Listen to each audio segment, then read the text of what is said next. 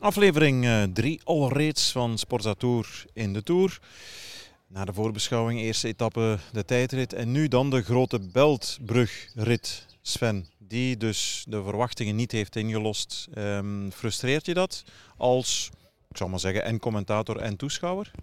We hebben een mooie sprint gezien, maar uiteraard wil je dat die finale langer duurt. En alle uh, mogelijkheden waren hier, maar de wind heeft daar gewoon anders over bepaald. Die fantastische plaatjes als, de, als het peloton over die brug reed. Er was wel wat nervositeit, maar heel snel was duidelijk dat de wind veel te fel tegen uh, blaasde, zodanig dat het uh, peloton nooit echt de intentie had om het uit elkaar te trekken. Dat is jammer. Uh, ook al die kilometers daarvoor, eigenlijk gebeurde er niet zo heel veel.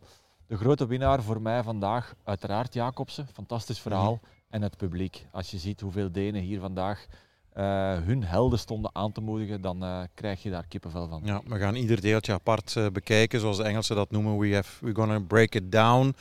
Eerst en vooral toch, ikzelf ook, hand in eigen boezem. Je laat je ook meeslepen en, en beetnemen is misschien te straf uitgedrukt, maar meeslepen in die verwachtingen. Hè, terwijl van de winter wel een Mes Pedersen die hier woont.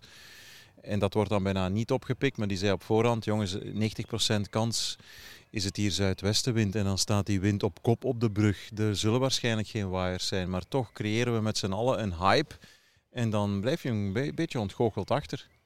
Ja, omdat je gewoon het, uh, het object op zich, die brug, is spectaculair. Voilà. En de wind moet maar een klein beetje een andere richting aannemen en dan heb je plotseling wel chaos in dat peloton.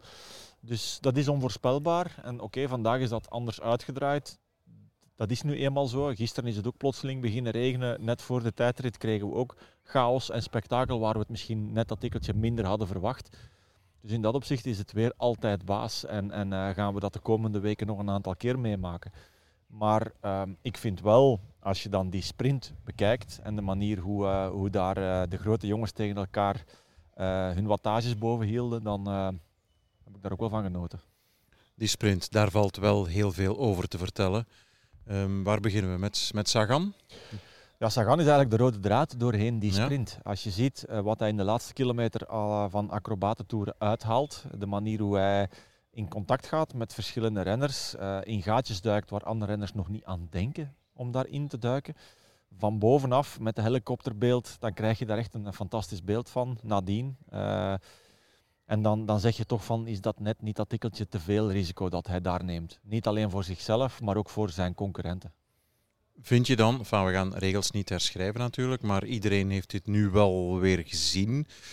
Uh, moet een jury daarvan los, los daarvan, ook al is er niemand gevallen, ingrijpen? Of is dat ja, te streng uitgedrukt? Ik weet het niet. Ja, het is... Ik ben vandaag, ja, Sagan, heel die carrière meegemaakt en gezien en, en meer dan tien ritten gewonnen in de Tour. En je hoort heel vaak, Sagan is de man die zomaar kriskras door dat peloton rijdt en vaak toch dingen veroorzaakt. Maar vandaag ben ik een beetje ja, ontstemd over wat hij doet. Hij had zomaar tien man kunnen neerknikkeren. Ja, maar als je het te goed bekijkt, heb ik toch de indruk dat hij ook vaak... Oké, hij neemt het risico om nog snel in dat gaatje te duiken, waar hij ook de keuze kan maken om te remmen en gewoon te wachten tot er terug ruimte is. Uiteraard gaat hij dan nooit nog in positie komen, maar hij doet dat niet en hij gaat echt voor uh, dat kleine gaatje en hij duikt daarin.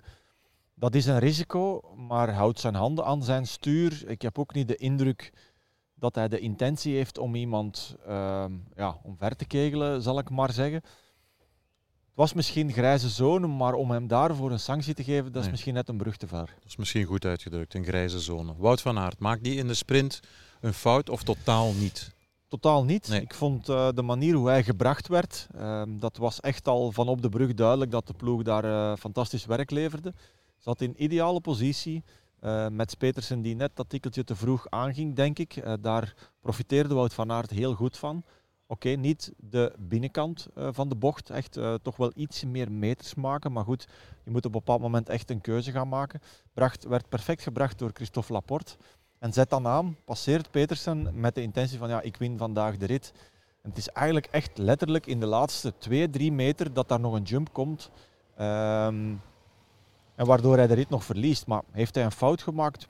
Dat denk ik niet. Hij is gewoon echt geklopt door een rasprinter. Ja, want ook geleerd uit dat foutje, hè, jeugdzondetje vanuit de Dauphiné, dat hij veel te, te niet veel, dat hij net iets te vroeg juicht, daardoor wordt uh, verslagen op de streep. Hij gooit zijn fiets een voorwiel tot over de streep en dan het ongeloof voor een tweede dag op een reis spreekt boekdelen.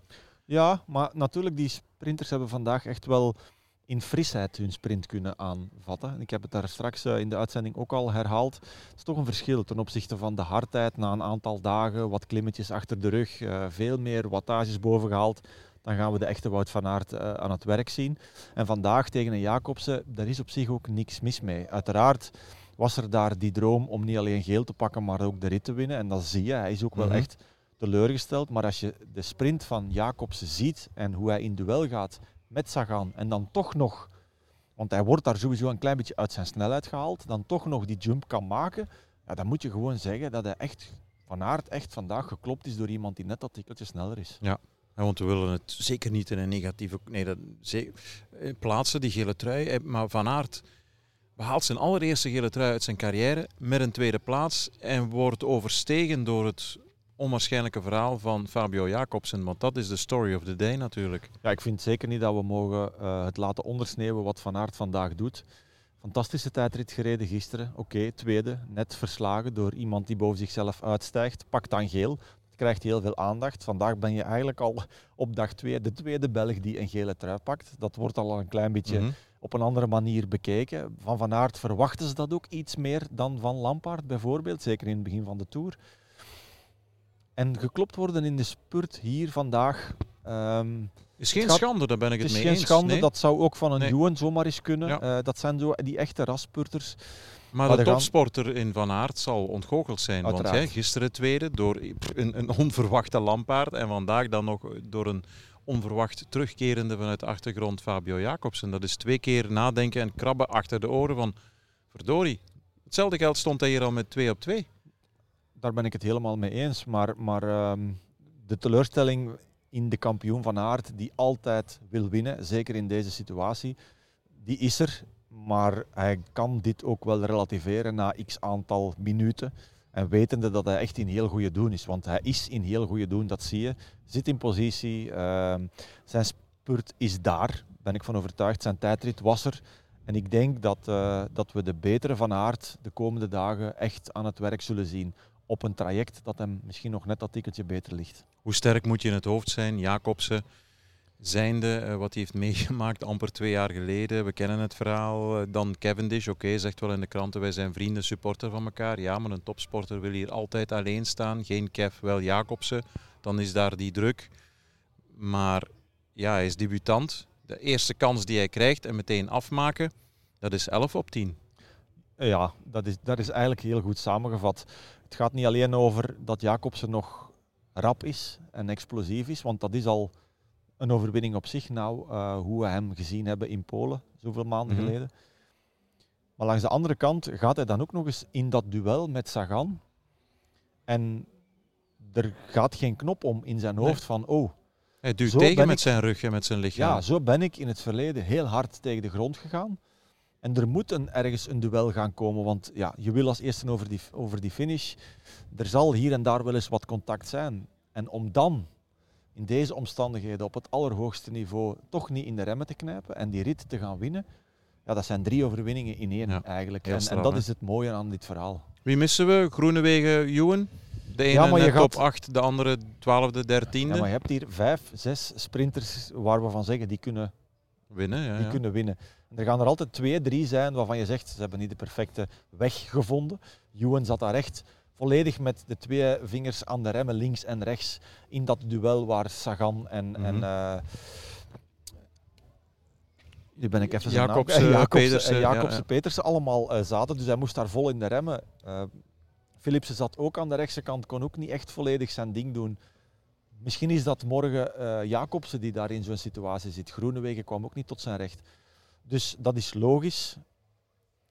Maar ik sluit niet uit dat we straks wel een Philipsen en wel een Ewan gaan zien die veel beter ruimte krijgen en die veel meer echt hun ding gaan kunnen doen. En vandaag was de, was de kaart Jacobsen de perfecte lijn. Ja, uitkijken naar morgen. Opnieuw een sprintetappe. Ehm, maar om te eindigen, ja, het Deense publiek eh, gaat over de tongen natuurlijk. De manier hoe dat ze hier feest vierden, ook met Magnus Kort. Uh, is mijn zestiende tour, heb nog niet vaak meegemaakt. Uh, magnifiek. Als één blok achter hun uh, ja. helden, daar komt het eigenlijk op neer.